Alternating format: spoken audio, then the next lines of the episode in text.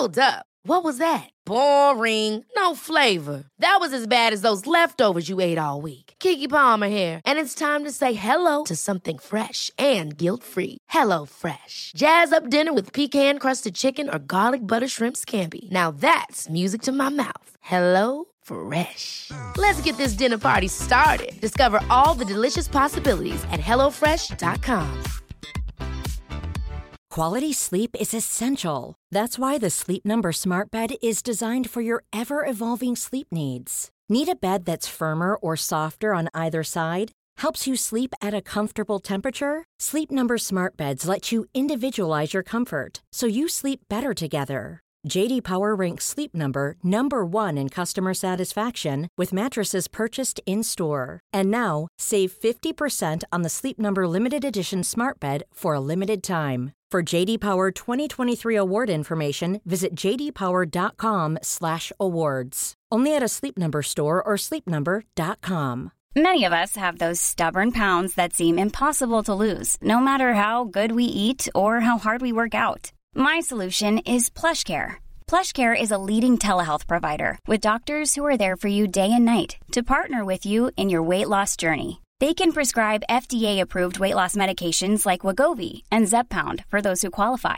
Plus, they accept most insurance plans. To get started, visit plushcare.com slash weight loss. That's plushcare.com slash weight loss.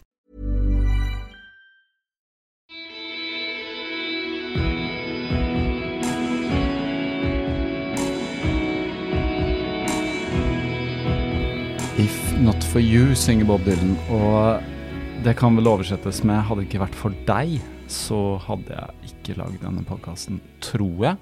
Jeg hadde i hvert fall ikke kommet til uh, episode nummer 50, altså dagens episode, uh, jubileumstallet 50, uten at jeg har dratt fram uh, kake med lys på av den grunn. Men det har vært en lang natts ferd mot dag, vil jeg kalle det, det siste året. Og det er som om jeg har vært våken hele natten, og så kommer morgenen med lyset, og man svir litt i øynene. Uh, den følelsen sitter jeg litt med, av mange grunner.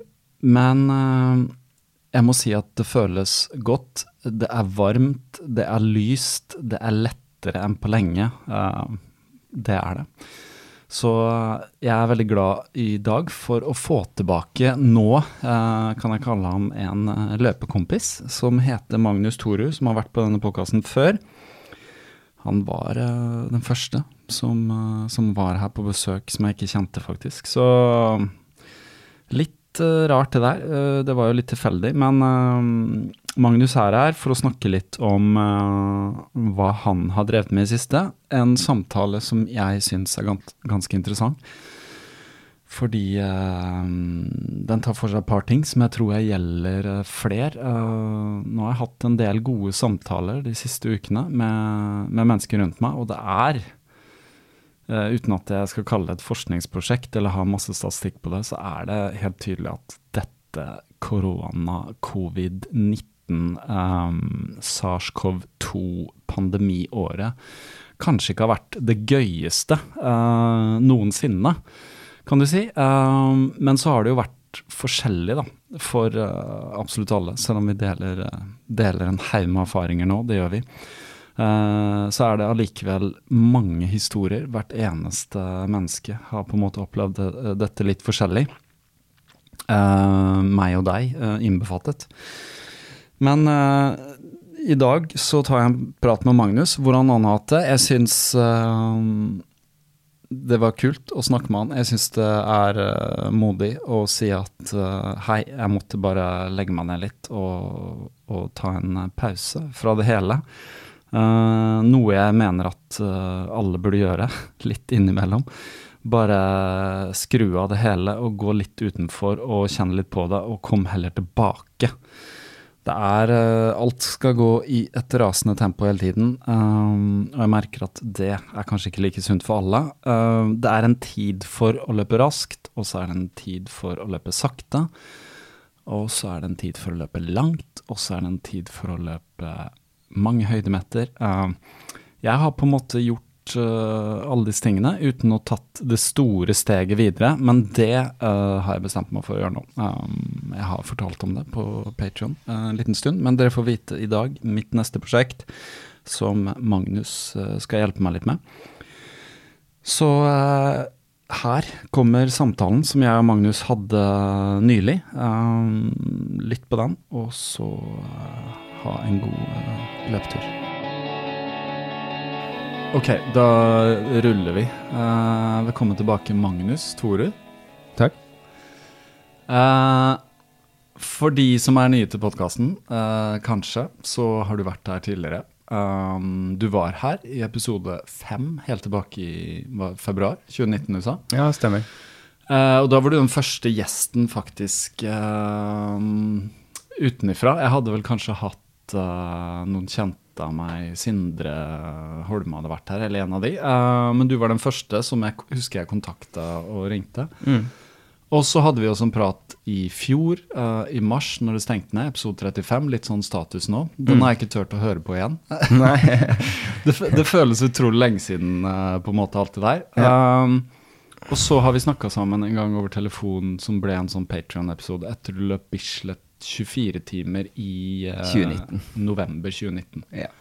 For så vidt en uh, bra prestasjon av deg. 394 runder og 215 km. Mm. Fjerdeplass totalt og seier i uh, Unge menn 23-34. Ja. Nå har du gått i en ny aldersklasse. Sånn. ja, nå er jeg veteran. nå er du veteran. Og det hva, 35-39? Stemmer. Ja, 35 til sant. 39. Ja. Så, så det er litt sånn eh, Så hvis det er noen som har lyst til å høre eh, Sette på pause nå og gå tilbake, så må du bare gjøre det. Um, du har jo en historie um, som førte til ultraløpingen. Ja. Vi skal ikke gå for mye inn på det nå, for at min idé med hele denne episoden her, som er episode 50 Mange som er opptatt av tall, at det er et rundt tall og jubileum og sånn. Litt kult å få deg tilbake, for vi hadde en telefonsamtale her uh, forrige uke, tror jeg. ja. Eh, etter, en, etter at du skjøt meg en tekstmelding. Og jeg hadde gått og tenkt på også at jeg hadde lyst til å snakke med deg igjen. Og det handler om noe annet med løping og mine prosjekter som vi skal komme tilbake til eh, litt seinere. Men nå er det litt sånn uh, gjøre opp litt status. uh, litt uformelt. Hvordan går det? Hva har skjedd siden sist? Ja, ja det er jo Det har skjedd mye, da, Ja. egentlig. Um, vi snakket jo sammen i mars i fjor, og da, Mm. da var det jo Da hadde koronaen tatt skikkelig tak Mm. i Norge, og man handla dopapir og hamstra på butikker eh, og sprita hender og Ja, man hadde vel kanskje ikke brukt med, begynt med eh, munnbind ennå, Ironisk nok, faktisk. Ja. ironisk nok. Mm. Nei, men um, ja, det var litt rart. For man var jo i utgangspunktet da i gang med opptrening til uh, NM i 100 km, Stemmer. som var i Bergen i mars det året. Mm. Men så ble jo ikke det noe av. Um, og da ble jo sesongen deretter. Mm. Uh, det var flere løp som ble avlyst, uh, og folk begynte jo å løpe virtuelt. Virtuelle maraton, virtuelle ultraløp. Og jeg som de fleste kasta jo meg på den bølgen der, fordi noe måtte man jo trene mot. Men så blir man jo si, litt lei av det virtuelle òg, da. Fordi du løper jo alene, og virtuelt og virtuelt. eh, Man er jo egentlig bare ute på tur, og så registrerer man en tid, og så sammenligner man mot andre etterpå. Mm. Det er jo ikke som et løp. Du har jo ikke rammen rundt, sånn som man hadde um, under et ordentlig løp, da. Mm. Um, så da måtte man jo finne på andre prosjekter, da. Og da hadde jeg jo den derre uh, løpe-SMV-løypa etter jobb. Sammen med Therese Uliss og Henriette, som alle mm, ja, flere kjenner som ultraløpere, som eh, gjør det bra. Når, når var det? Mm, det var i mai, eh, Ja. så det var et par måneder etter vi snakket sammen. Da. Det var den varme, varme mai-måneden i fjor. Mm, vi Eller? fikk egentlig ganske grei temperatur Ja. eh, der. altså Det var fin løpetemp og godt vær. Så mm, det var ikke altfor varmt. Men det har vært noen maier uh, tidligere med veldig varmt vær under SME. altså. Men uh, det ble et veldig fint prosjekt og en veldig fin tur. Um, Altså dere løp hele SMV eh, Mm. E, Vi løp- fra opp- Oslo til Tjøme. Ja, starta oppe ved um, Soria Moria, uh, Holmenkollen. Og løp derfra og da til verdens ende. uh, vippefyret, da. Mm. Tjøme. 100 og, ja, rett i underkant av 170 km. Mm. Eh, brukte vel 24 timer og tre kvarter, så vidt jeg husker. Mm. Veldig fin tur, og vi gjorde jo Jeg husker vi avtalte med bensinstasjoner underveis da, om, om å legge ut mat til oss. og Vi hadde liksom sånne depoter. Um, og så kom Jeanette uh, Vika uh, midtveis med bil uh, full av cola og ja, alt det du trenger. da. Mm. Så det ble en veldig fin ramme rundt det. Det føltes egentlig ut som et ultraløp. Det var det jo selvfølgelig også, men ja, du fikk litt mer den derre Kall det konkurransefølelsen igjen. Mm. Um, og så var jo det slutt, ferdig. Uh, og så må man finne på noe nytt igjen. Da. Og da sleit jeg liksom litt med å finne på et eller annet å gjøre. Og da kom liksom den derre Hva mener du trene mot? Altså, Ja. At, ja. eh, Jeg hadde ikke noe løp. Jo, jeg hadde jo Spartatlon, da. Det var jo på en måte et løp som var hovedmålet uh, ved sesongen i fjor. Spartatlon er jo da eh, et løp i Hellas som går fra eh, det er vel Aten til Sparta. Som er 247 km langt, så vidt jeg husker nå. Mm. Og det må du kvalifisere deg for, da. Og det var en av grunnene til at jeg løp NM i 2019, var jo for å kvalifisere meg dit. Eh, Men det løpet ble også satt på vent, og det kom lite informasjon derfra. Jeg visste at jeg sto på venteliste, og at jeg sto på 29. plass, og at sannsynlighetene var gode for at jeg kunne komme med hvis løpet ble arrangert. da. For dette er et begrensa antall deltakere, ikke sant? Ja, Ja. det er begrensa. Det er vel 300 stykker som får løpe, og så må du da Det er strenge kvalifiseringskrav, fordi det er et såpass langt og krevende løp. Det er vel blant de ti tøffeste ultraløpene i verden. Så det kom jo lite derfra. eh, så jeg, det, sånn, det ble sånn der Du forbereder deg jo veldig mentalt også til en sånn kraftanstrengelse. Og det ligger på en måte og murrer i bakhodet hele tiden. Eh, Så den var jo der. Men jeg merket at jeg senket hva skal jeg si, garden litt, da, hvis du skjønner. At jeg slapp skuldrene mer eh, ned. Og begynte liksom å gjøre andre ting. Som begynte å trene mindre. eh, spiste mer eh, usunt. Spiste det jeg ville. Mm. drakk det jeg ville. Jeg hadde ikke noe sånn nulltoleranse på, på alkohol, f.eks., sånn som jeg normalt sett har. Um, og det, det ble jo på en måte et litt annet liv, da. Um, så merket jeg også at det er jo egentlig greit å, å kjenne på det at man ikke måtte stå opp klokken fem eh, på en lørdag for å løpe fem mil. ikke sant? Man kunne bare sove så lenge man ville. Det var kjempedeilig. Um, men jeg løp jo fortsatt, og løp noen virtuelle løp. eh, og så hadde jeg også den Bømlo eh, Ultra, eh, ultra eh, på 300 km som lå der da, som en sånn opptrenings... Altså målet med det løpet var jo å få mange kilometer i beina før Spartatlon. Så det er jo 300 km på fem dager, så seks mil om dagen da, på Bømlo.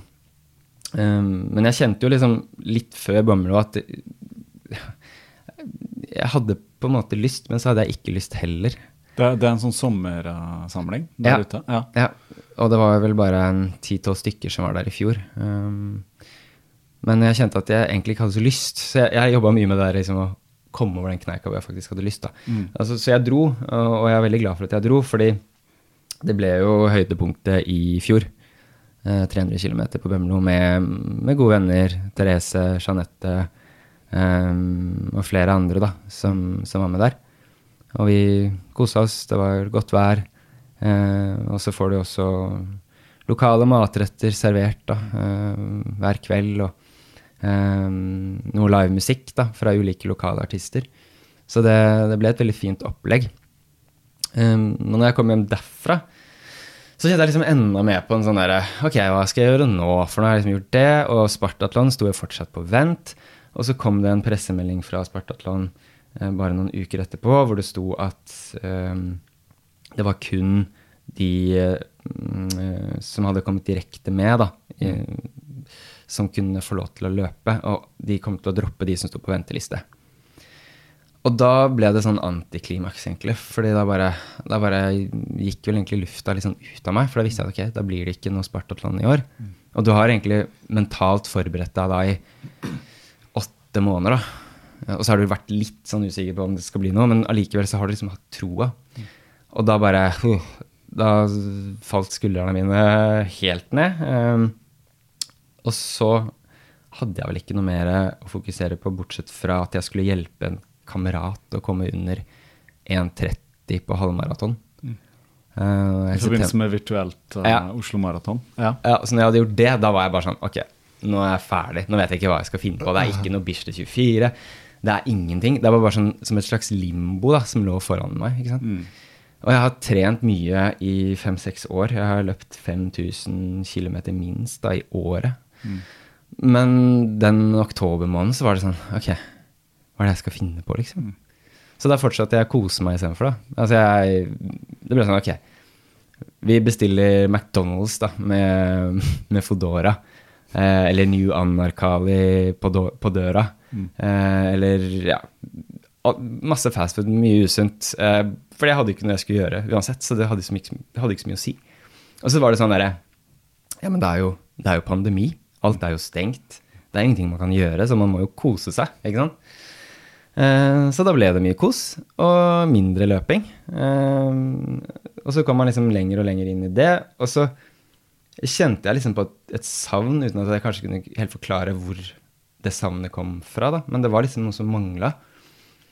Og ja, det stoppa bare helt opp. Og så ble jeg liksom sånn jeg, I sosiale medier så ser du liksom at folk fortsetter å trene, eh, og de løper mye. Og så er det sånn De får det til, men jeg får det ikke til. Det er noe gærent med meg, liksom. Og kanskje den derre Kanskje jeg bare har vært en sånn eh, Hva heter det for noe? Um, en som bare har lata som da i alle disse årene. Kanskje jeg ikke var ekte ultraløper. Kanskje jeg bare faka det, rett og slett. Og at nå kommer liksom virkelig Magnus fram igjen. Han derre late fotballsupporteren som uh, ligger på sofaen og drikker øl og se på YouTube da, istedenfor fotball. For det, mm. nå ser jeg ikke så mye på fotball lenger, så noe måtte man se på. Det var liksom PlayStation og ja. Og så Ja. Det ble en sånn derre merkelig greie. Og så merket jeg at jeg liksom fikk helt sånn fnatt da, av sosiale medier. Jeg orket ikke det derre eh, konstante strømmen av eh, løpebilder og sånne folk som skal motivere for at du skal komme deg ut på løpetur. Jeg bare orka ikke det. Så jeg bare Jeg fjerna meg helt fra Instagram. Jeg hadde vel noen og tusen følgere. Og jeg tror jeg bare kasta ut alle sammen, bortsett fra noen hundre stykker igjen, eh, og låste kontoen og sa opp ambassadørrollen min i Oslo Maraton. Fordi jeg tror ikke jeg kunne motivert en coach, løpecoach til å komme seg ut på, på løpetur. Eh, så det var ikke noe idé for meg å være ambassadør. Jeg kunne ikke motivere meg selv engang for å løpe ti kilometer ut. Ikke sant? Så jeg stengte alt. Uh, slutta å følge Kaptare. slutta som patron. Uh, for jeg orka liksom ikke få inn noe. Jeg, ville, jeg, stengte det helt ute, da. Mm. Lata som at det ikke hadde skjedd. Og så husker jeg at jeg, jeg bare satt og syntes at hele ultraløpsgreia liksom ble sånn fjern. Mm. Det ble liksom så langt vekk fra meg plutselig. Selv om jeg hadde jo vært ultraløper da, i fem år, men nå sto jeg liksom på siden av det og så det utenifra. Og så tenkte jeg sånn at herregud, så sprø de er. De gidder å løpe 150 km, 160-200 km. Kjente ikke det. ikke sant? Eh, jeg husker jeg sa det til uh, samboeren min Stine også. at bare, herregud, liksom. Det er mye mer sofistikert å sitte her og snurre på et glass rødvin og høre på, på jazz. Uh, det er mye mer sofistikert enn å drive og fly rundt i joggesko ute i regnvær og Nei, fy søren. Det, det, er ikke noe for meg. Men så bare, ja, så blir man egentlig bare mer og mer sånn Eller jeg merket at jeg ble mer og mer deppa da, av den tilværelsen der. Um, og at jeg, jeg savna løpingen uten at jeg helt klarte å innrømme det, kanskje, for meg selv. Um, men jeg kommer jo meg ut på turer.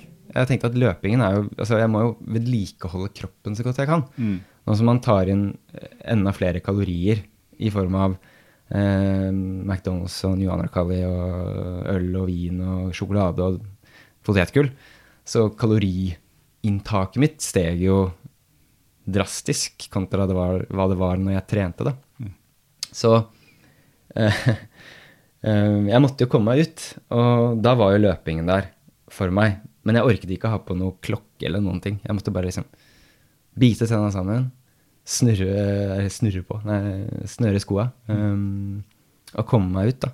Og da var det liksom bare det å komme gjennom en mil som var målet. Uh, Annenhver dag. Så jeg, jeg lå vel kanskje på en 50 km, 40 km i uka. Mm. Og jeg hadde ligget på sånn 130 på normalen, ikke sant. Eh, Så det var jo litt rart. Og, og så er man også vant til egentlig å ha en kropp som fungerer da, på- ute på løpetur. At du kan løpe en mil, du kan løpe to mil, du kan løpe tre mil uten egentlig å tenke på at du beveger på deg. Men nå begynte jeg liksom å kjenne da, at hva en mil faktisk var igjen. Og at det bare Ok, det er, det er faktisk Det er tungt å løpe en mil. Og det hadde jeg aldri trodd at jeg skulle kjenne, kjenne igjen. da. Og også når man ikke er motivert for det, så er det jo enda tyngre. Så ja. Ehm, Ja, det, det, er en del, det er en del som har skjedd siden sist òg, altså. Det er Mm. det. Uh, så har det gått ganske mye tid, da. mm, Uh, så jeg er veldig glad du deler det her, for at du fortalte meg litt av det på telefonen. Så jeg tenker at Jeg snakka med en annen venn av meg om det. Det er, det er faktisk uh, interessant, da, fordi det har jo på en måte vært litt sånn eksperiment hele denne tiden eh, med nedstengningen. Og jeg tror eh, veldig mange har opplevd det likt, samtidig som vi har levd litt forskjellige liv. Um, litt sånn alt ettersom hvor du bor, hvilken familiesituasjon, hvilken jobbsituasjon osv. Noen har kjent det på kroppen mer enn andre.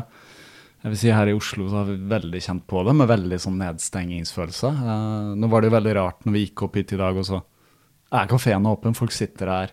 mm, Plutselig er liv, det er sommer. Uh, men når jeg også tenker tilbake, og du forteller nå, og høsten Ikke sant? Mm. Og, etter, og du forklarer det veldig godt fordi Sånn som jeg har skjønt, du har jo holdt på en måte nivået utrolig høyt utrolig lenge. ja. Og det er jo mentalt krevende, det vet jo alle som løper. Og når vi ikke har den derre Ja, at det er det neste løpet, da. Altså, du lever jo litt liksom, som en idrettsutøver på et vis. Mm. Fokuset ditt er jo der konstant. Og når ting forsvinner som du har hatt som store mål, eh, og særlig med Spartatlon, enorm kraftprestasjon, så du bare har mentalt liksom dette må jeg bare holde meg i gang. Og når det ikke skjer, så skjønner jeg at eh, Jeg skjønner det veldig godt, jeg tror mange andre gjør det også, at eh, man må ned. Da slipper man taket, og så kommer den der, som du sa, da, den gamle siden fram. Eh, som man kan kalle den gamle siden, men det er også en side av seg selv. Da. Det tror jeg alle løpere kjenner som har enten vært eh, ikke-løpere, eller hatt perioder hvor de ikke har løpt fordi de er skada. Ikke sant? Vi har en sånn side av oss som er den derre som snakker søtt i øret ditt. Legg deg ned, slapp av. Ta deg en øl. Åh, potetgull. Ah, det regner jo ute, herregud. Å, det er en ny film, det er en ny Netflix-serie, yeah. det er nytt spill på PlayStation, eller whatever, liksom. Yeah. Herregud. Altså, det skal ikke så mye til å gi etter, egentlig. Nei, det skulle Ikke ikke sant? Nei, det, og det, jeg kjenner meg godt igjen. Um, litt sånn Jeg vil ikke si jeg har samme historie, men jeg kjenner på den derre at det ble tungt å gjøre en haug med ting. Mm.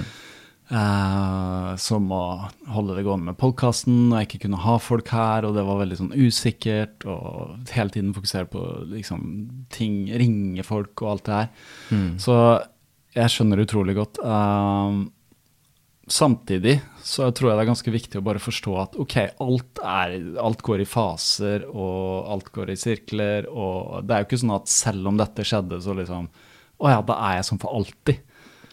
Nei. Du kan ikke bli mindre enn du er, så du, ikke sant, du er jo en ultraløper. Uh, og selv om du ikke løper en ultra tre, to ganger i året eller tre ganger i året, så kan du alltid komme tilbake dit, eh, tenker jeg. Absolutt. Og nå har det også heldigvis eh, kommet seg litt, da. Sånn gradvis. Ja, for nå sitter du her, og det var jo tross alt du som skjøt meg en tekstmelding. Ja, så, så, så, noe må ha skjedd. Um, det er litt sånn, litt sånn dramatisk å høre, da, at man liksom blir sånn Mm. Stenger, eh, stenger eh, Jeg har også tenkt på det her med, med særlig med sosiale medier. Mm.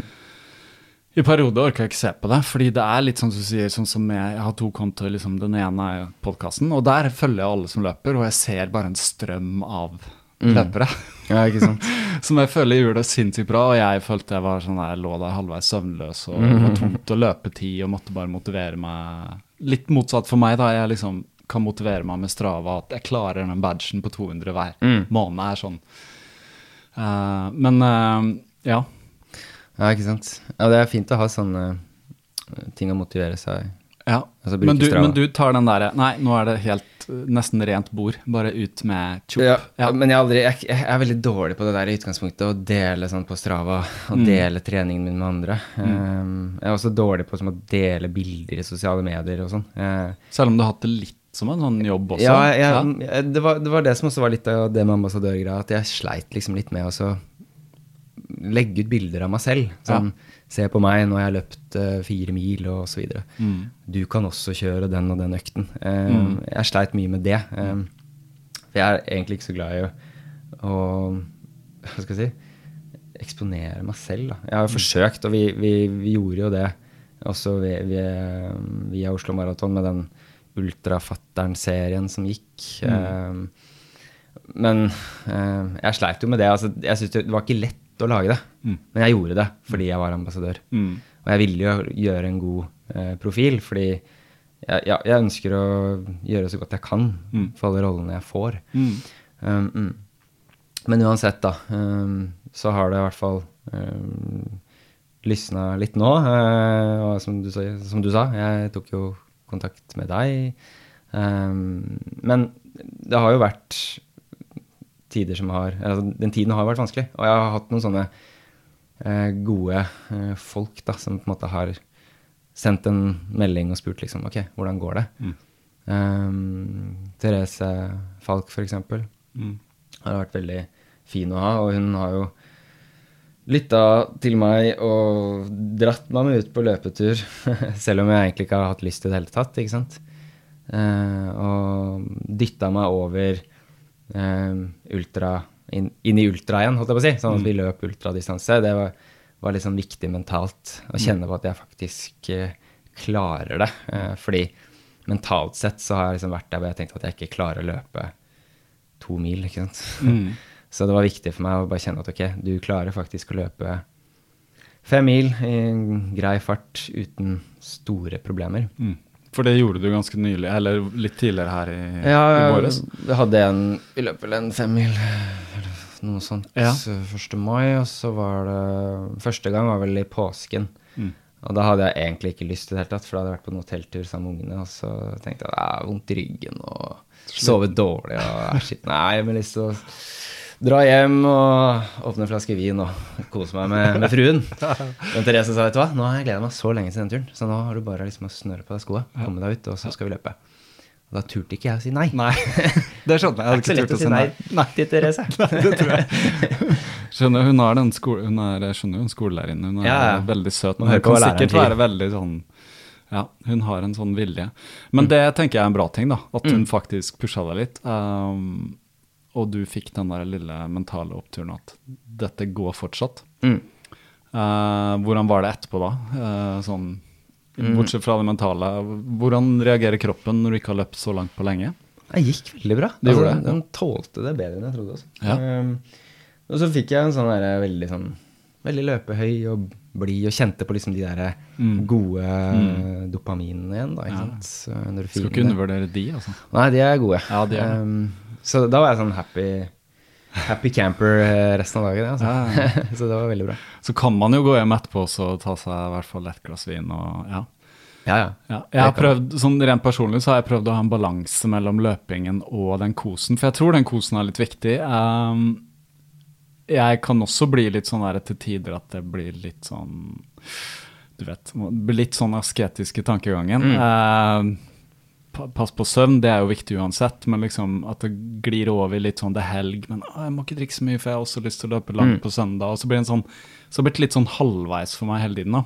Men i perioder så har jeg bare vært sånn når det sto på for fullt, og det var utbrudd på Lakkegata, skole med kidsa, og det var veldig krevende på jobb, har jeg hatt det, og sånn, så var jeg bare sånn Nei, vet du hva, helgen kommer. Mm. Kom igjen, liksom. Nå, eh, og så var jeg en liten, så, i en liten kohort med min svigerinne og hennes eh, samboer, søsteren til min kone, altså. Og da var det utrolig hyggelig møtes, lage mat, drikke vin, høre på Ja. musikk, bare være sosial, og bare liksom nyte at det har vi i hvert fall. Oppi alt det her. Og så går jo verden sin gang, og jeg håper at liksom Det var før visst altfor mye om en vaksine, eller var litt sånn. Men jeg tenker at det er lov, uh, for jeg tror ikke alle kan leve i en sånn periode konstant. Nei. Hvor de er sånn Jeg er supermann konstant, eller Ja. en superkvinne, liksom. Uh, noen ser ut som de gjør det, kanskje, uh, fra utsiden. Du nevner sosiale medier og sånn. Men det er jo menneskelig å bare være sånn. det går jo opp og ned. Ja, sant? det er ikke et flott landskap. Det har du nok rett i. Og det har jo vært Altså, jeg har jo kjent på de følelsene tidligere også. Jeg kjente på det mye i 2019 også, det der med at jeg egentlig var litt sånn lei av hele greia. Så det at det skjedde når covid kom, og det ikke var noen konkurranser, er egentlig ikke så rart. Og så har jo selvfølgelig den delen av det også tilført livet mye bra, da. Altså sånn Jeg har jo vært sosial på en måte med andre venner som jeg ikke har vært på kjempelenge. Og det har vært positivt. Ikke at vi har vært en stor gjeng, men vi har selvfølgelig forholdt oss til smittevernreglement og sånn.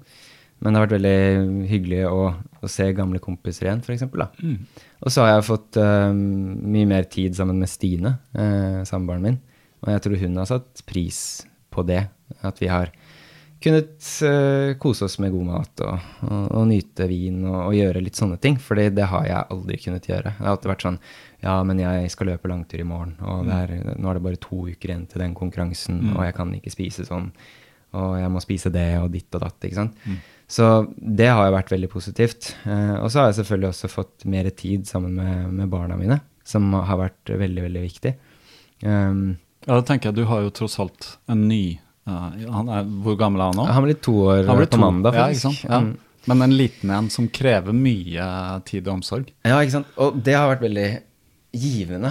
Eh, Fordi sant, jeg må innrømme, man glemmer liksom litt alt Altså det man har. Man blir så opptatt på denne løpingen. Jeg har vært så fokusert på det, da.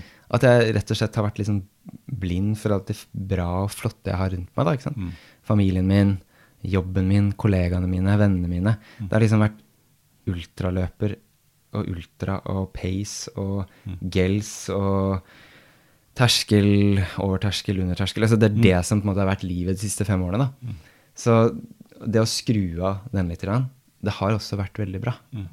Men samtidig så er det liksom den der, den der indre konflikten mellom at du veldig gjerne vil fordi du liker å drive på med noe, og så har du egentlig ikke lyst til å drive på med det fordi at du er liksom sånn Ok, nå har jeg gjort det fem år, så nå trenger jeg en pause. Eh, så, så man hopper mye sånn fram og tilbake mellom at jeg vil, og at jeg ikke vil, og at jeg egentlig har mest lyst til å gjøre noe helt annet.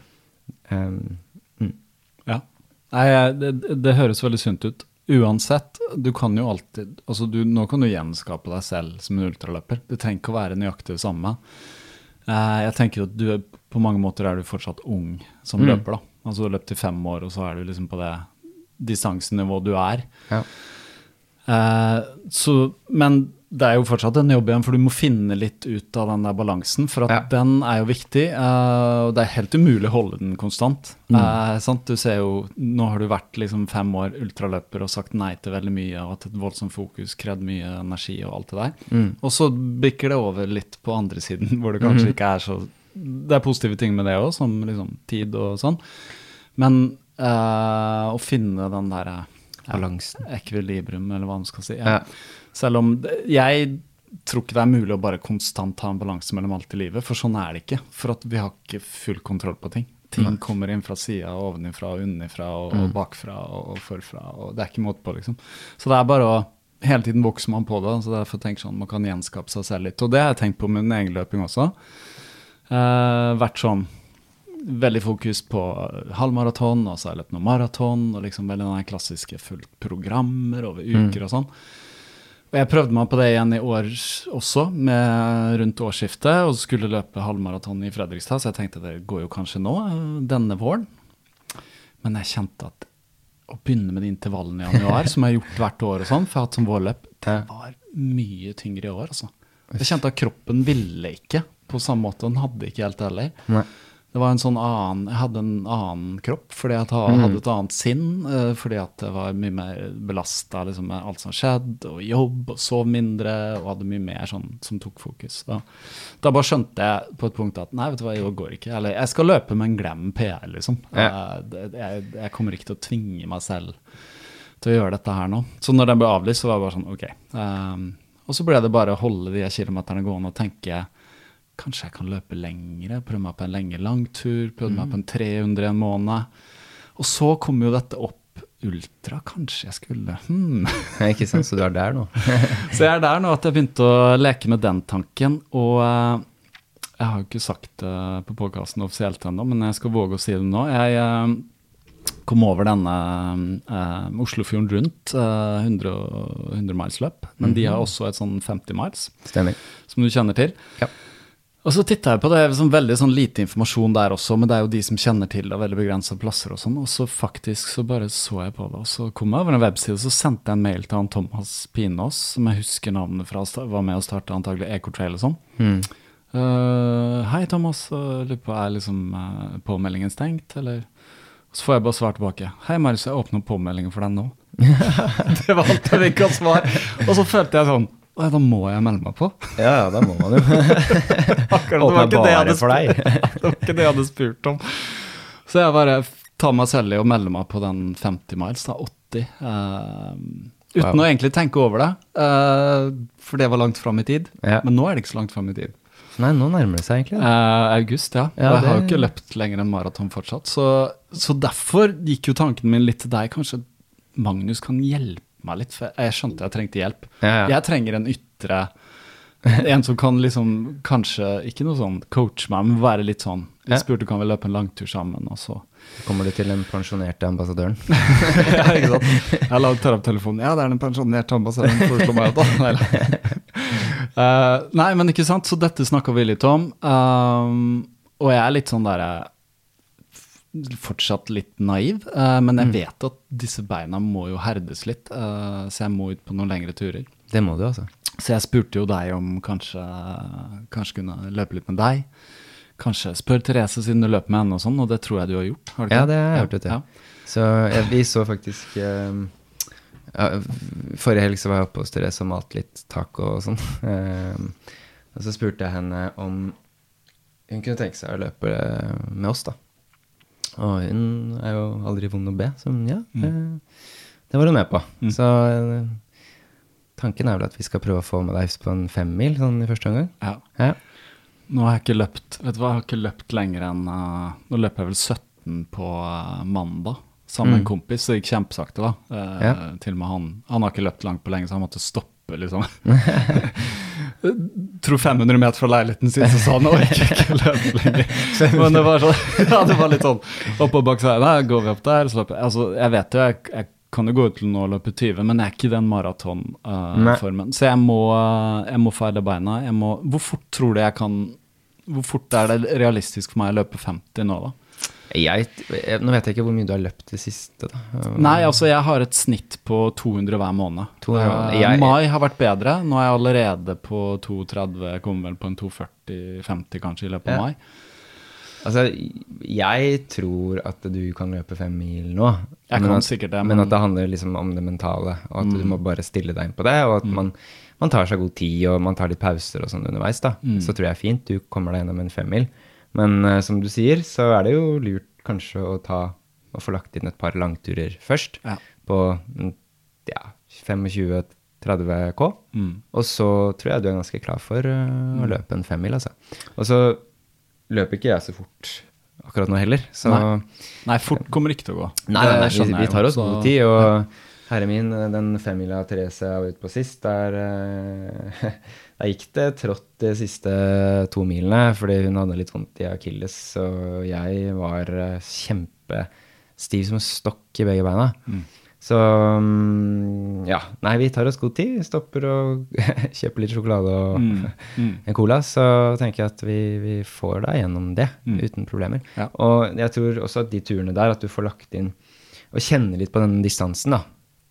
Fordi 80 km er jo langt. Det er veldig langt. Eh, og på asfalt så kjenner du det, kjenner du det godt. Så det at Mm. du får deg et par-tre sånne turer Mm. eh, før den konkurransen, tror jeg kan være veldig bra for deg. Mm. Mm.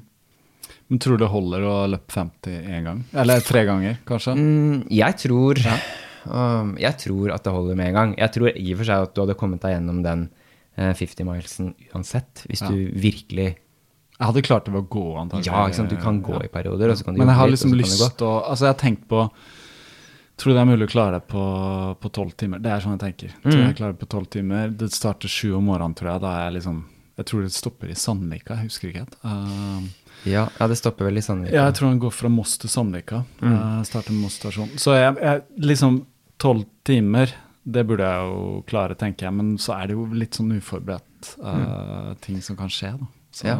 Jeg tenker at kanskje det viktigste er å ikke ha noe tidsmål, egentlig. Første ultraen. Altså sånn bare Altså ta det som en tur. Mm. Tar det 12 timer, så tar det 12 timer. Tar det 15 timer, så tar det 15 timer. Mm. Bare være forberedt på liksom å være ute og, og, og jobbe en hel dag, og prøve bare å nyte den reisen, da. Mm.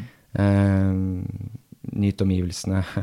Eh, stikk innom en bensinstasjon, kjøp en cola. Mm. Gå litt, løp litt. Altså, Mm. ikke stress med tid. Mm. For det er viktig at den første gangen blir en god opplevelse. Mm. Får du en god 50 miles eh, og en god 50 miles opplevelse, så har du lyst til å gjøre det igjen. Mm. Kontra det der at du stresser med, med tid og får eh, gå på en smell midtveis, og så blir det ikke noe gøy, og så bryter du, og så ja, har du ikke lyst til å gjøre det igjen. Mm. Så bare tenk, ta det med ro, nyt dagen. Uh, finn deg noen å løpe med, um, prat, Mm. kos deg, så går det fort. Plutselig så er du i mål. Mm. Så det er mitt beste tips altså, til uh, første 50 milesen. Mm. Mm. Nei, jeg har jo, uh, har jo tenkt det samme, men uh, du vet man blir sånn, du setter, tenker alltid en tid, men jeg tror jeg skal slå det fra meg. Det hadde vært gøy selvfølgelig å klare rundt tolv timer, men mm. det, det er litt sånn, det er Det er absolutt- ukjent terreng, Altså. Ja, det er absolutt mulig å klare tolv timer. Ja. Um, men jeg tenker Vi får se. altså Nå får du i hvert fall én langtur, og så må kjenne litt på det først. Jeg, jeg skjønner jo at det handler om muskulært, ja da, det psykiske også, men det tror jeg skal takle på et vis. Mm. Uh, men det, altså, jeg vil veldig gjerne at beina skal holde, da, for jeg vet jo hvordan det er å på en måte komme dit hvor du på en måte blir helt uh, Ja, hvor ikke musklene på en måte uh, klarer lenger. mm. Og det er kjedelig. men, men der kommer man alltid. Ikke ja, sant? ja. Og uansett om du løper 50 km eller 50 miles eller 100 miles eller 24 timer, så kommer man liksom til et punkt hvor kroppen egentlig er ferdig. Mm. Ikke sant? Og du jobber mer med det mentale. mm, Uh, og da er det liksom det, Da sitter det bare i hodet. mm, For du kan enten velge å si at ok, nå har jeg vondt og jeg er skada, og da bryter jeg. mm, Eller så kan du tenke at men det, dette her er naturlig. Det er kroppens måte å reagere på når man har løpt over 100 km f.eks. Og dette kommer fordi det er en normal reaksjon, så man bare fortsetter å liksom å, å kjøre på. da. mm, Så det er bare vite at det kommer. Det kommer sånne downs. Det kommer sånne mørke faser i løpet, men så kommer du gjennom det. Og det som er så deilig da, er at da kommer du plutselig opp på en sånn topp, ikke sant. Mm.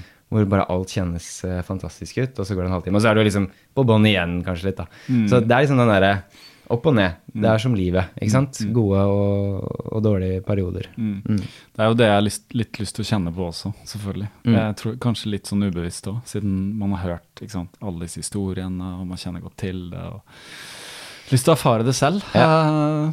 Jeg tror at Fortelle sånn, barnebarna noe. ja, ja, ja, men jeg tror du er en sånn type som som passer, eh, passer inn i ultramiljøet. Altså, du er en sånn type som løper ultra.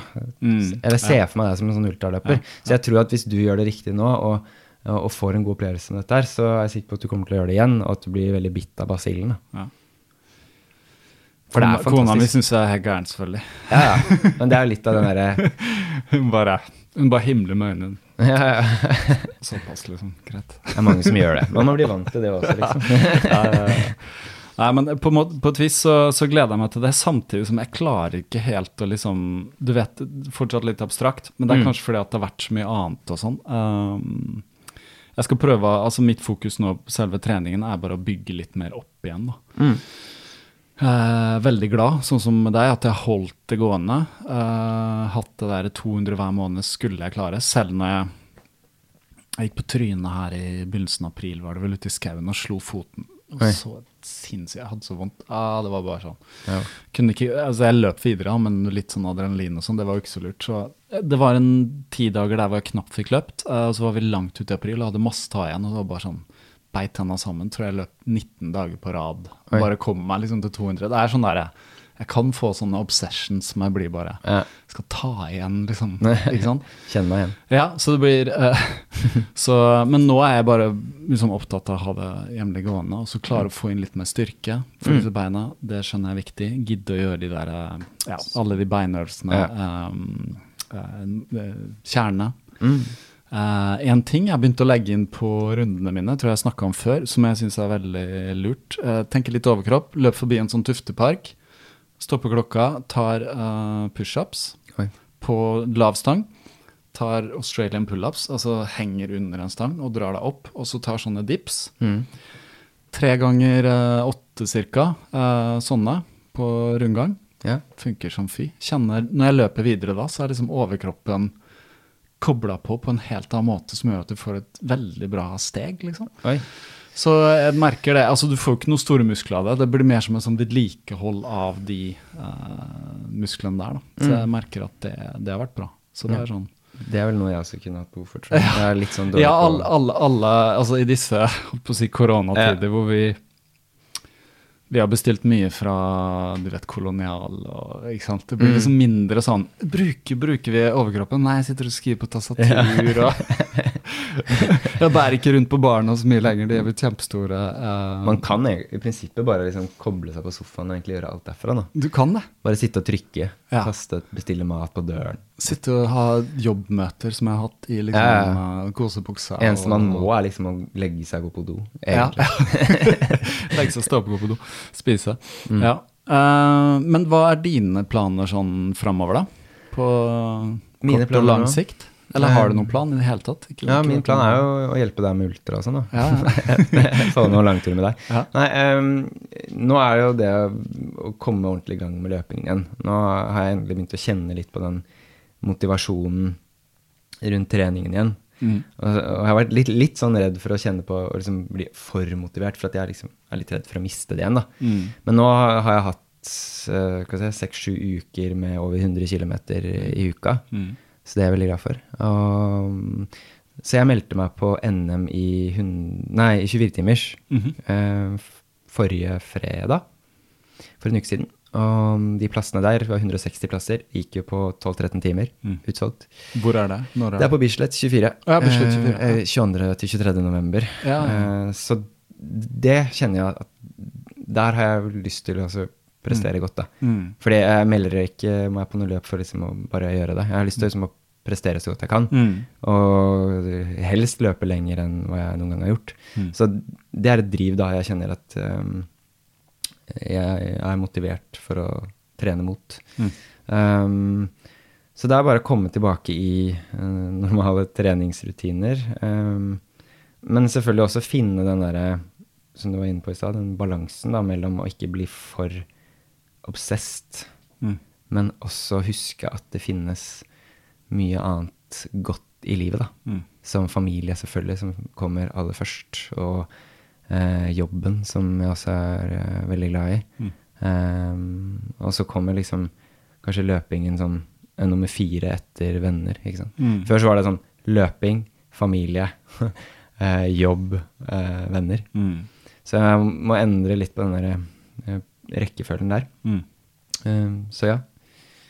Eh, Hvis jeg får til det, så blir det bra. Og så tror jeg også at jeg skal få til et bra eh, 24-timers NM. Mm. Mm. Hva skjedde med den eh, 100 km NM som eh, Ja. skulle vært i fjor? Den ble pusha pusha og skulle vært i Bergen. Ja, den ble pusha til desember først, da, 2020. Mm. Og så ble det avlyst. Mm. Og så sto det at ok, den flyttes til våren. Da ble det vel mars eller april 2021. Mm. Men så ble det også avlyst, så den ble flytta til nå juni. Mm. eh, midten av juni. Men eh, nå får de ikke lov til å arrangere NM allikevel. Altså 100 km, den går, Mm. men det er ikke et NM. Mm. For de kan ikke arrangere NM. Men, men jeg ser ikke helt liksom Nei. Det er vel eh, Norges friidrettsforbund som har Ja. satt ned foten her, da. Ja, for det er et eller annet med Hvis det er offisielt, så er det andre Mm. regler eller et eller annet. Ja. Men løpet går. Ja. Bare at det ikke er NM. Nei, ikke sant. Mm. Men eh, jeg er ikke i, i form eh, til, eh, til den. Nei. Kom for tidlig. Altfor tidlig. Ja. Jeg er jo altså sånn Jeg pleier ofte sånn gjøre en sånn formtest uh, hver januar Mm. etter eh, desember, for jeg pleier ofte å ha litt sånn løpefri Mm. i desember etter uh, Bislett og sånn. Og da løper jeg alltid en fem kilometer for å sjekke litt form, da. Mm. Og da er liksom målet å komme under eh, 20 minutter. Så jeg gjorde en sånn test nå når eh, det åpnet igjen treningssentrene, for å se da om jeg klarte å komme under 20 minutter På, på mølle, eller? på mølle. Ja. Uh, og det klarte jeg. Ja. Akkurat. Ja. Men det var sånn 1959. Ja, okay. Så det var akkurat, liksom. Og herre min, så støl Oi, oi. jeg var Ja. dagen etterpå. Ja, det. Det er jo en uh, Ja. Fart er noe annet, altså. Det har jeg merka når jeg har løpt lite fart det siste eh, året, egentlig. Det er litt sånn nådeløst. Eh, Jeg blir støl. Jeg var på Nesodden for ikke så lenge siden, og så løp jeg på banen. Bare noen runder 800 meter, noen, eh, jeg tror var kanskje fem drag eller sånt, men det siste så bare kjørte jeg på. Mm. Åh, det blir støl, altså. Ja, fy søren. Ja, Og hvor kroppen tungt det er. Ja, liksom. det er supertungt. Den farten her var jo sånn som 4.15, da. Mm. Jeg har løpt maraton på tre blank Mm. og holdt den farten i tre timer. Og jeg kan liksom ikke fatte og forstå hvordan jeg klarte det. Nei. Å holde 4.15 i tre timer. Når jeg, når jeg holder det liksom Jeg vet ikke Jeg klarer kanskje en bil, da. Jeg vet ikke, jeg har ikke prøvd. Nei, Nei men det, det vet vi jo at for å holde fart, så må vi jo trene mye fart og mye intervaller og mye tempo og ja, Mm. den der. Så den der er litt fjern for meg nå, altså. Men må du litt tilbake på sånt triva for å bli god på 24, eller holder du liksom Ja, jeg, jeg tror nok at det er en fordel å, Ja. å ha den kondisjonen også, i tillegg til at du, du kan løpe langt. Men det finnes jo mange gode 24-timersløpere som, 24 som ikke er nødvendigvis raske, Mm. men de løper fortsatt langt. Mm. Så jeg er veldig spent. Jeg, jeg, vet, jeg vet jo egentlig ikke helt hvordan jeg ligger an på 24 timer nå, sånn formmessig, fordi man løper jo ikke 24-timersløp hver dag. Jeg kan jo bare Altså, jeg vet at fem mil, det klarer jeg, men jeg har også kjent på at fem mil er tungt, da. Mm. Så det er nok en del eh, Det er, nok, det er treningsarbeid som skal gjøres er før man kommer dit. Mm. Men jeg føler at jeg liksom akkurat har uh, nok tid Mm. til å klare det. Mm. Uh, og så står jeg forresten også på den der ventelisten på Spartatland. Ja. Det er i slutten av september. Mhm. Men der tror jeg nok at om jeg får plass, så er jeg nok litt redd for at jeg um, Ja, jeg, jeg tror ikke jeg er i form til det. Jeg er heller ikke Altså, en ting er formen, men det der mentale ved det òg. Mm. Jeg tror ikke Jeg ble så sliten av den der mentale biten Mm. ved det løpet i fjor at jeg kjenner at jeg har, har liksom ikke lyst. Og jeg er redd for at hvis jeg drar ned, så løper jeg fire-fem mil, og så bryter jeg, og så blir det bare dårlig. Så jeg, Mm. jeg tror nok kanskje jeg må utsette den litt, og heller uh, se på mulighetene for noe sånt uh, når det har gått litt tid. Mm. Og se hvor, jeg- hvordan jeg ender opp. Altså jeg, jeg vet jo ikke helt hva slags type ultraløper jeg kommer til å bli. Eh, fordi, som du sa, man er i, i starten av noe nytt, og man skal på en måte forme seg selv som løper igjen. Da. Mm. Og det kan godt hende at, at eh, 24-timersløpet blir en eh, vond og kjip opplevelse, da. Og at man kanskje da heller velger å fokusere på helt andre ting med løping. Mm. Um, om det blir ultra, eller om det blir maraton, eller om man bare løper for, for løpingens skyld. Det, det får man se på. Det er, som, det er mange utveier, da. Ja. Altså, litt- Med løping så er det sånn. Som sagt, trenger ikke være på totalt heller, hvis ikke du skal være sånn tenke at du skal være i Norges liksom, toppen, eller kanskje i verdenstoppen, eller hvis du har de ambisjonene. Ja, men har du noe øh, oversikt over sånn miljøet generelt, ultramiljøet? Snakker du med litt folk? Mm. Hvordan har folk hatt det i det siste året? Sånn veldig generelt Ja. øh, spørsmål, selvfølgelig, men øh, har du jo, hørt noe? Jeg har jo hatt litt kontakt med noen. Um, altså, Therese vet jeg, hun, hun har jo løpt mye, og Mm. løpt mye sånne ja, virtuelle løp. Eller sånn han, Einar Hagemann har jo hatt sånne Mm. primtallsløp. Ja, det husker jeg. Så, og Øyunn også, som har vært på podkasten her, har vært med på det. Så der har man løpt sånn 1000 km på eh, en måned, tror jeg. Hvor de løper ulike primtall hver dag, da. Mm. Um, og hun har også, eller Therese, har gjort mye sånne um, Ja, vært med på noen hundre kilometer og gjort litt sånne egne prosjekter. Så jeg tror hun er i ganske god form. Uh, nå får hun jo testa ut det på NM om noen uker. Mm. Uh, I Bergen. Nei, det er ikke NM, unnskyld. Ja. 100 km, ja. ikke Men hun løper den i Bergen. Ja. Ja. Um, Kan kalle det litt uoffisielt NM. Uoffisielt NM blir det Ja. jo i og for seg. Ja. Um, og så ser jeg jo disse andre, da. Jeg har jo ikke noen på Strava, men uh, han Arvid Haugen som uh, vant uh, 24-timers-NM i 2019, Mm. han har jeg på Garmin av en eller annen grunn. Mm. Så han ser jeg jo, han trener jo godt og virker som han er i, Mm. i god form. Eh, Simen Holvik, han eh, skal jo gjøre noe sånn Norge på langs Ja. uh, i juli, tror jeg. Han holder veldig høy profil, så han Ja. deler jo Så han, er, han får man jo Ja, sett litt av. Det virker som han er eh, Han teller jo ned dager nå. Mm. Uh, det er jo spennende. Det blir Kjempespennende. veldig kult Veldig spennende. Ja, det Så må jeg si også. Så det, det, jeg tror da det er vel noe av det store, liksom. Mm. Mange som kommer til å følge med han der, så krysser skikkelig fingra for den. Um, Mm. Absolutt. Det blir veldig kult å følge. mass, Massivt prosjekt. Ja, det er massivt. Ja, det er massivt. Jeg tør ikke tenke på det engang. Men uh, ja.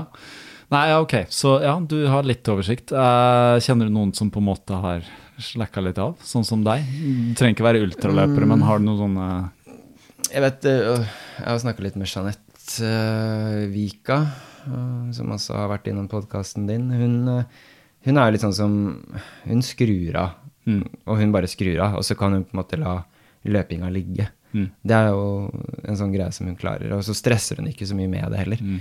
Uh, så hun har vel hatt en periode nå hvor hun har pussa opp og sånn. Uh, men jeg så at hun var ute og løp eh, eh, 50 miles, for det var jo SMV Mm. den helgen som var. Så hun kom seg greit gjennom det, selv om hun ikke har trent så mye i det siste. da. Mm. Men hun kan vel også bli lei løping i perioder. Men Ja. nå virker det som hun er på igjen. da. Ja. Mm. Ja, mitt inntrykk er at folk løper, men at det er litt sånn eh, Det har vært litt på og av. Eh, jeg kjenner jo ikke så mange som løper, men eh, det det er litt sånn forskjellig der òg. Mm. Så, men det ser jo ut som folk løper, da. Jeg ser jo, altså Når jeg løper rundt i Oslo også, folk løper jo, absolutt. Ja, Eh, det er- det, det er- liksom, det er kult å løpe ennå, Ja. og det, jeg tror ikke det blir noe mindre kult. Og du har jo den stilløpergjengen som er veldig ivrig, Mm. Uh. Skyblazers. Ja, ja, og alle rundt det og sånn. Så det er noen der som er helt uh, kjempegira, ser jeg. Ja. Og det er gøy. Um, Ja, det er kult. Men altså, det er jo under pandemien så har det jo kommet en sånn ny løpebølge, vil jeg påstå. mm, Hvor det var mange som i utgangspunktet ikke løp, som har begynt å løpe. Fordi at uh, treningssenter og sånn har vært stengt uh, en god stund. Mm. Så, og det er jo fint å se. Uh, men jeg kjenner, hvor jeg liksom kjenner litt på konkurranseinstinktene mine, er jo sånn Nå ser jeg at fetteren min, eksempel, han har begynt å løpe. mhm. Og jeg så at han Jeg tror han løp en 10 km på sånn 42 Mm. Minutter, så han blir liksom farlig nærme min eh, pers da på 10 km. Så jeg, Ja. ok, jeg må i hvert fall Jeg kan ikke la han løpe forbi meg, liksom. Uh, og da kjenner jeg som, ok, greit, da må jeg vel trene fart og sånn også, da, sånn at ikke Ja. Henrik heter han. eh, Ta meg igjen der. Ja, ja, ja, ja. Er han yngre eller eldre? Mm, Ja, han er ett år yngre enn meg, Ja, ikke sant. Ja, blir cirka i samme så han kan bli farlig. Det er gøy, da. Litt sånn konkurranse kan det jo være. Uh, vi mennesker er jo veldig sånn. Ja. vi sammenligner oss med andre, det gjør vi. Uh, det er ikke til å komme unna. Så liker vi å sammenligne med oss med de som er litt sånn, litt sånn like, eller Mm. i nære relasjoner, eller et eller annet sånt. Uh, ja. Så nei, for min egen del så tenker jeg også at det har vært veldig gøy å løpe fort igjen også. Men jeg bare må få veldig lyst til å trene på den måten. Mm. Uh, det har gått, jeg har også sagt til meg selv i hodet sånn Nei, mine Jeg har satt mine liksom, personlige rekorder. du vet, det mantraet der har gått i hodet. Men så vet jeg at f.eks. maraton, det kan jeg løpe fortere, for jeg har bare løpt tre, liksom. Så mar maraton, altså. Det, ja.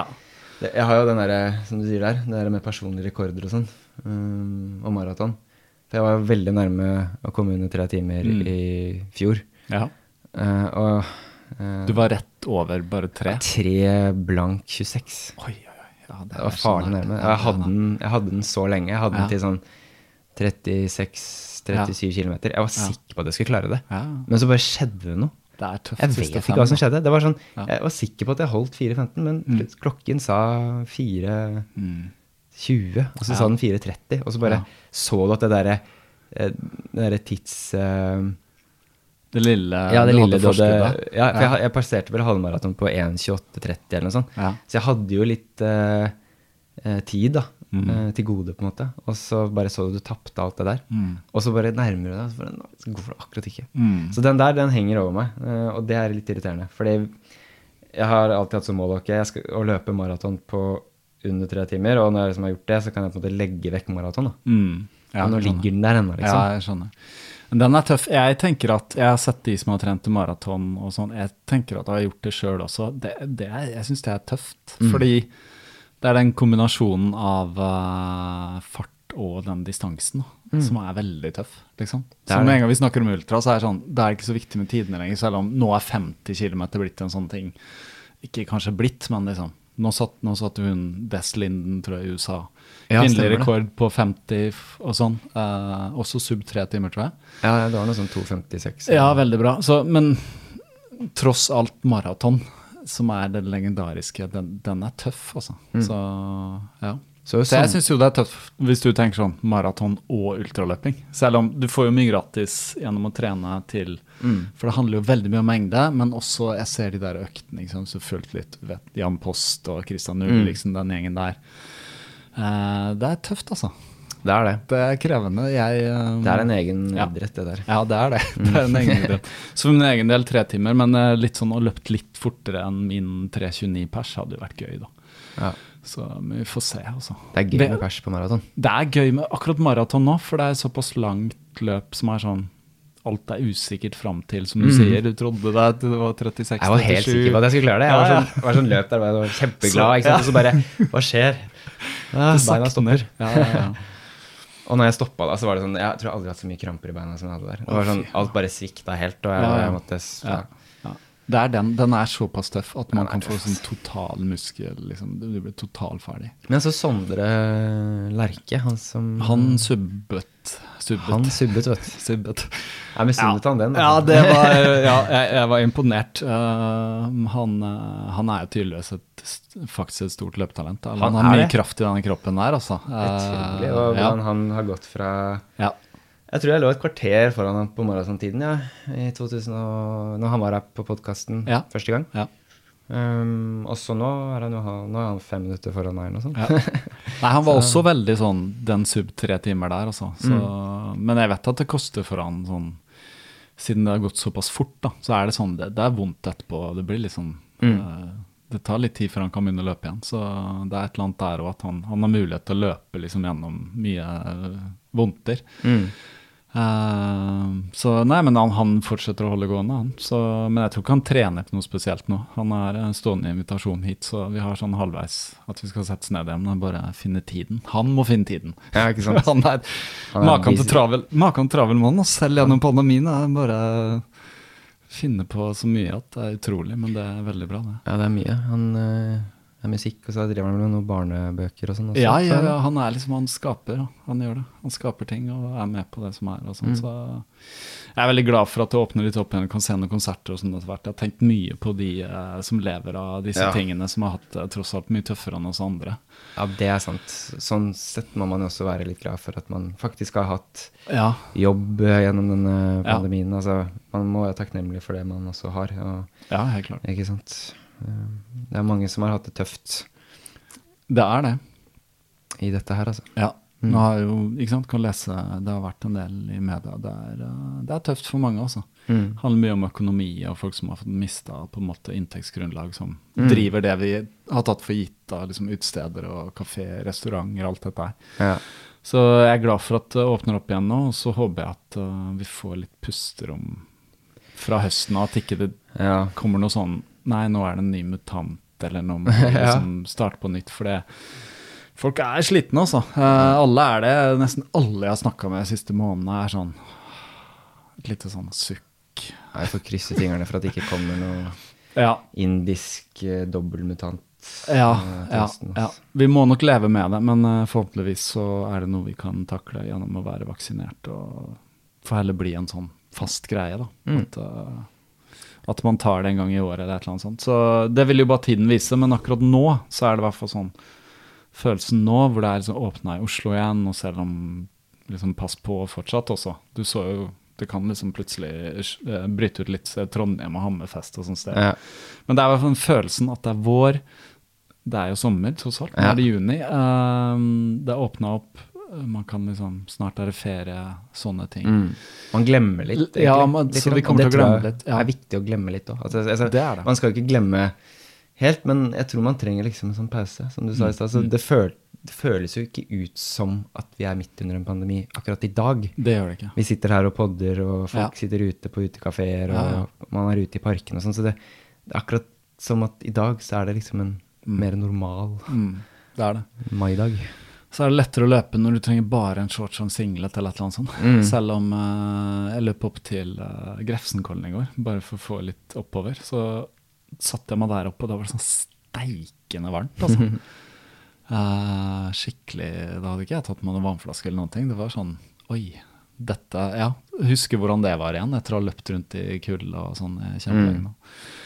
Ja. For det har jo vært kaldt en periode nå også, så ja, mai har jo vært helt Ja, det, det har det. Eh, Jeg tenker det har vært greit, for jeg vet at finværet kommer uansett, så jeg vil ikke ha sånn tørke. Tenk på bønnen og naturen. Ja.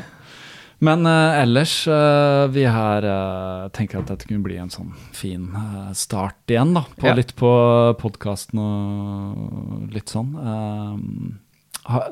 Driver du med noe annet som uh, obskurt, som ikke vi vet om? Uh... Ja, ja. Vi har vært gjennom mye rart uh, nå. Eh, Ja. I og med at jeg skulle slutte å løpe, så Mm. gikk jeg gjennom hele repertoaret av andre ting som jeg kunne finne på Mhm. istedenfor løping. Mm. Så jeg var litt på skateboard. Begynte, Jeg kjøpte meg nytt skateboard i fjor sommer. ja.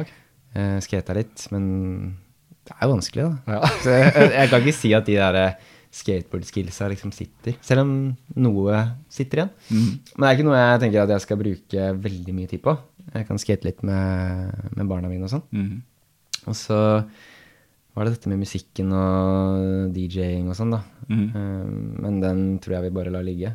Uh, og så har jeg tøysa litt med podkast og sånn sammen med en kompis, uten at det på en måte ble et veldig vellykket prosjekt. Og at vi trenger å gå så veldig nøye inn på akkurat hva den podkasten handlet om. Men uh, vi har testa det ut. Mm. Det var gøy den ene gangen. Mm. Og så tror jeg vi lar det ligge der. Mm. Um, men eh, nei, um, noen andre ting. Uh, jeg tror det er det er jobben, da. Som, Mm. som, eh, den er viktig, og det har jo vært uh, Under denne pandemien så um, har man på sett og vis måttet jobbe litt ekstra Mhm. Eh, med alle disse smittevernrestriksjonene. For du, du, du er bestyrer for en barnehage. Ja, stemmer. de ja, det, så det har jo naturlig nok vært ja. Ja, det har jo tatt mye tid, og på så, sånn sett så har det vært litt greit kanskje at den løpingen har ligget litt brakk også. Mm. Fordi at det har vært uh, mye fokus på jobb. Mm. Um, så ja. Ja, jeg tror det er for veldig mange, da, på mange måter. At Mm. jobb har vært sånn. Bra en jobb, men jobben har vært utformet på en annen måte fordi at uh, det har vært veldig mye hjemmejobbing, og det har sine utfordringer, fordeler og ulemper. Um, for meg så føles det som livet har blitt litt mer sånn Alt glir litt i ett. ja. Jobb, livet, barna, familien, løpingen, sine egne prosjekter. Alt sånn har liksom blitt litt sånn smørja sammen. Mm. Jeg merker for min egen del at det har ikke vært så sunt med jobb fordi at jeg har blitt litt mer slukt inn i det. Uh, har ansvar for mange fotografer og sånn, så det har vært Mm. veldig sånn eh, Jeg har jobba litt sånn når som helst, egentlig. Ja. det har ikke vært så bra, for da klarer jeg ikke å koble helt av. Nei. Så går det alltid og gnager på noe sånn at det skal gjøres, og det er liksom et problem og det er en Ja. utfordring. og sånn. Så for min del har det vært rett og slett resultert i mindre søvn, fordi at høyere stressnivå for meg betyr alltid mindre søvn. Da våkner jeg tidlig, og liksom, det er et Mm. eller annet som gjøres, eller du kan våkne midt på natta og gnage på noe. et eller annet sånt. Og det merker jeg at det går utover eh, ja, både det psykiske og det fysiske. Særlig merker man det fysiske. At Mm. det med løpingen, som jeg sa, at man merker at kroppen responderer ikke på samme måte når det ikke er uthvilt. Altså. Nei, det er, Det er ikke snakk om, liksom. Så Søvn er alfa og omega. Altså. Det er alfa og omega. Det er viktig. Så tips der. Eh, Jeg tror det var hun Stine Hartmanns tipsa meg om. Det er en sånn bok som heter Why We Sleep. Mm. Han som skrevet den, den boka hørte jeg som lydbok, men han var nettopp på en uh, ritual podcast. Han Matthew uh, Husker ikke etternavnet, men uh, veldig interessant. Selv om det blir veldig sånn mye science, da, mye Mm. forskning, så er det sånn Ja, man skjønner at det er viktig, altså. Og det er likt for alle. Det er ikke noe sånn at noen Ja, det er greit, noen kan sove litt mindre og sånn, men uh, det er veldig sånn hvordan vi oppfatter det også. At man mister liksom dømmekraft uh, på kvalitet på søvn hvis du får for lite av sånn. Du blir vant til et annet nivå og mange sånne ting. Mm. Og det merker jeg har skjedd litt, så ja. Så det er litt sånn, nå er det litt godt at uh, jeg har vært på kontor igjen nå, og det er sånn, plutselig kan man skille det litt. Da. Det er Så veldig jeg, viktig. Ja, det er veldig viktig. Jeg ser fram til det. Fordi det meste, altså, som du sier, det, det flyter jo litt i hverandre. Dette hjemmekontoret og Ja. Og plutselig sånn telefoner, og, og vi hadde hjemmeskole en stund, skulle jeg sitte i møter, og så er det sånn Min yngste datter på åtte skjønner ikke alltid at jeg sitter i et møte, eller hun skjønner, men det er, liksom, det er ikke så viktig for henne. Nei, nei, nei. Så det har vært sånn, ja, nei, særlig det her med skolen og sånn, det har vært ganske mye hjemmeskole. Ja. Mye sånn plutselig, ja, nå er en smitta, nå er det ventekarantene og ditt og datt. Så det er alltid litt sånn på alerten da òg. Mm. Men det er fascinerende egentlig også hvordan man venner seg til det. Ja, man Altså, venner seg til det. Man Ja, okay, ok, liksom. tilpasser seg Ja, situasjonen. da. ja. At det, ok, ok, det er sånn, ja. Det er Ja. noen som er smitta, så da må vi ha hjemmeskole sånn. en stund. Ja. Mm, mm. Da må de isoleres, og de er i karantene, og de reglene der, ja. Og, ja. Er veldig Og det er sånn som vi snakka litt om i sted før vi starta her, det med munnbind og Mm. Det er liksom å gå inn på butikken og så glemt munnbind, da, hvor naken du plutselig føler deg. mm. Eller hvis du sitter uten munnbind på bussen. Ikke at Ja. jeg gjør det, men Nei, altså at du ser andre Ja. og tenker over det, da. Uh, plutselig. så blir det sånn Ok, greit. Du er Ja. ikke med på dugnaden, du. Nei.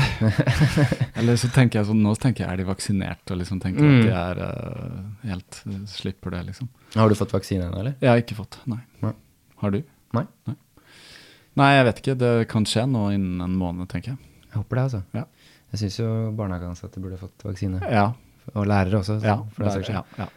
For meg er det sånn gjerne Det er veldig sånn likhetstanke i Norge da, at nå når politikere kunne få seg, blir det en greie. liksom. Altså Folk i, som tross alt styrer og steller med Jeg skjønner jo på mange måter at de også gjør det, da. Og de kanskje også har altså, De trenger å reise ut av Norge i i større grad kanskje enn hva vi må. Mm. Ja, ja. Um, så jeg, jeg syns den er helt fair i for seg. Ja, det er det jeg sier òg. Jeg- det, jeg, jeg syns det er greit, men at det blir sånn debatt om I Ja. Norge er vi så veldig sånn likhetstanke at det blir debatt om liksom, Mm. at noen skal få før og veldig sånn Leste en artikkel om det også. Det der med fordeling av vaksiner, da.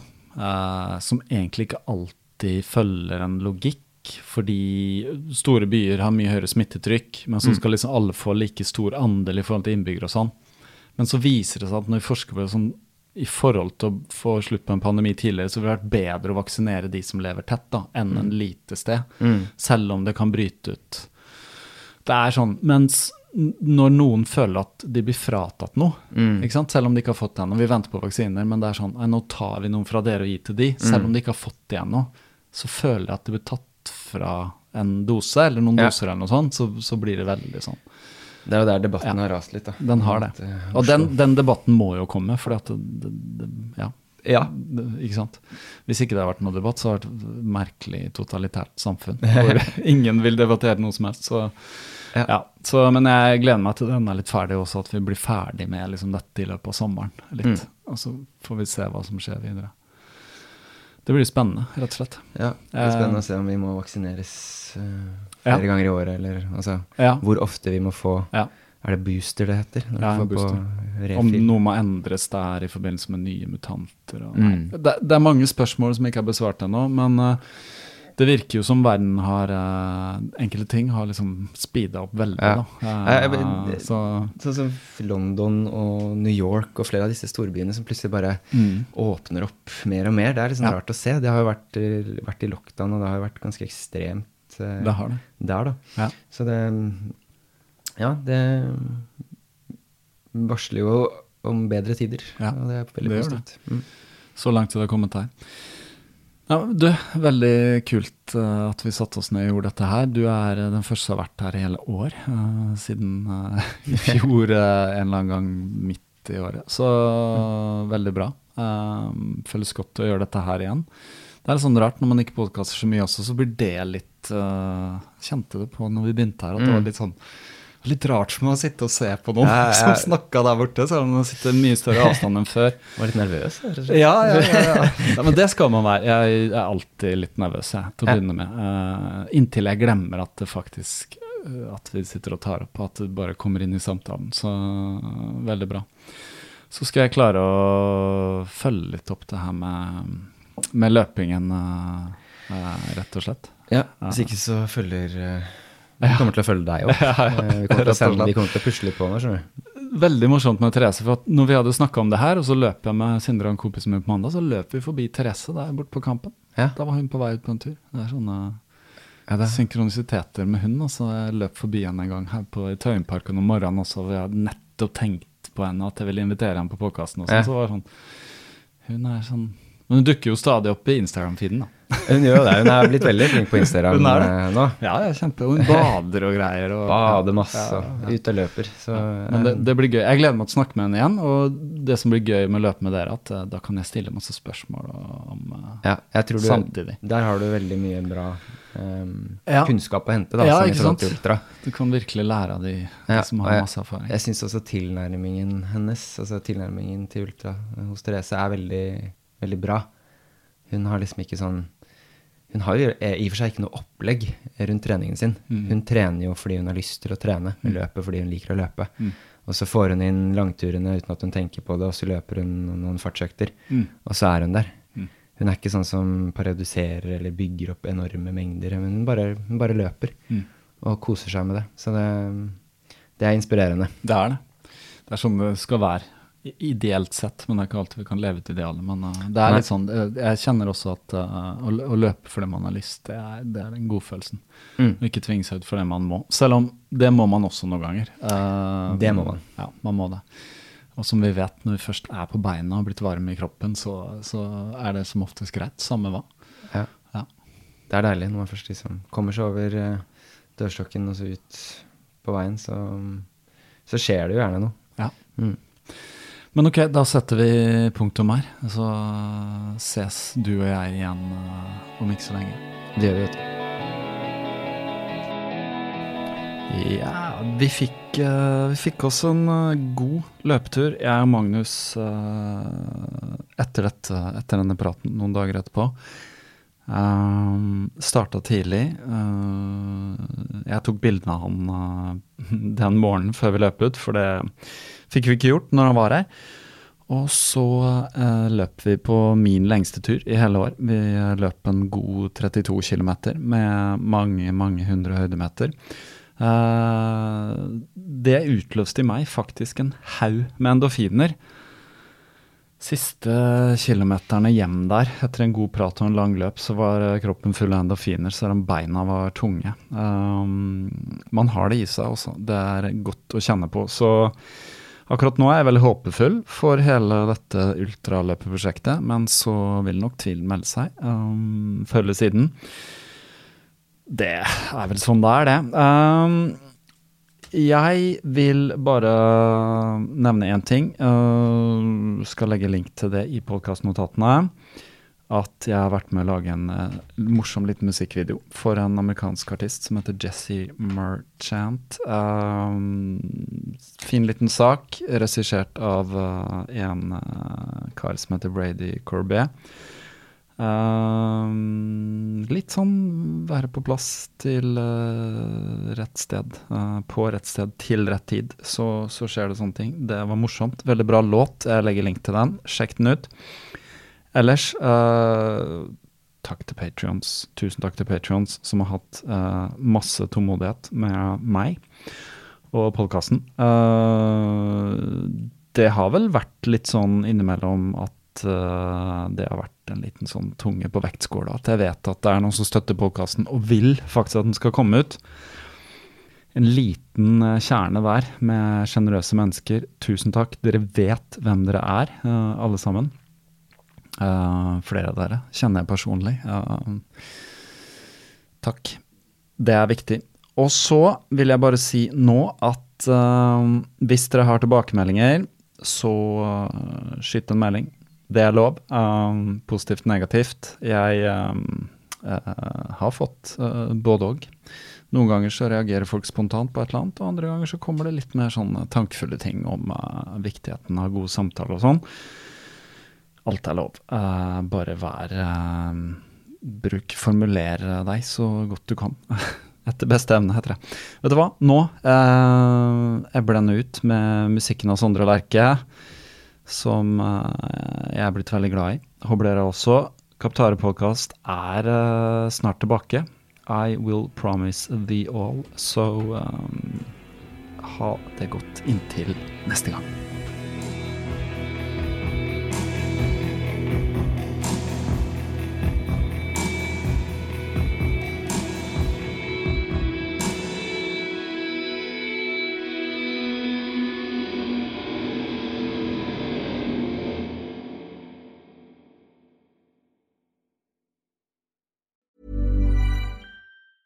Witness history at Roland Garros, where old rivalries meet new talent on the clay battleground. Tennis Channel Plus is your place to watch. Stream every court from your phone or smart TV live in HD. Experience three weeks of unparalleled access as the world's top players in tennis face off to see if the veterans maintain their dominance or if a fresh face rises to challenge them. Daily live coverage of the French Open begins Monday, May 20th. Stream it now with Tennis Channel Plus to be there when it happens. Planning for your next trip? Elevate your travel style with Quince. Quince has all the jet setting essentials you'll want for your next getaway, like European linen, premium luggage options, buttery soft Italian leather bags, and so much more. And it's all priced at 50 to 80% less than similar brands. Plus, Quince only works with factories that use safe and ethical manufacturing practices. Pack your bags with high-quality essentials you'll be wearing for vacations to come with Quince. Go to quince.com slash trip for free shipping and 365-day returns. Hold up. What was that? Boring. No flavor. That was as bad as those leftovers you ate all week. Kiki Palmer here, and it's time to say hello to something fresh and guilt-free. Hello Fresh. Jazz up dinner with pecan-crusted chicken or garlic butter shrimp scampi. Now that's music to my mouth. Hello Fresh. Let's get this dinner party started. Discover all the delicious possibilities at hellofresh.com.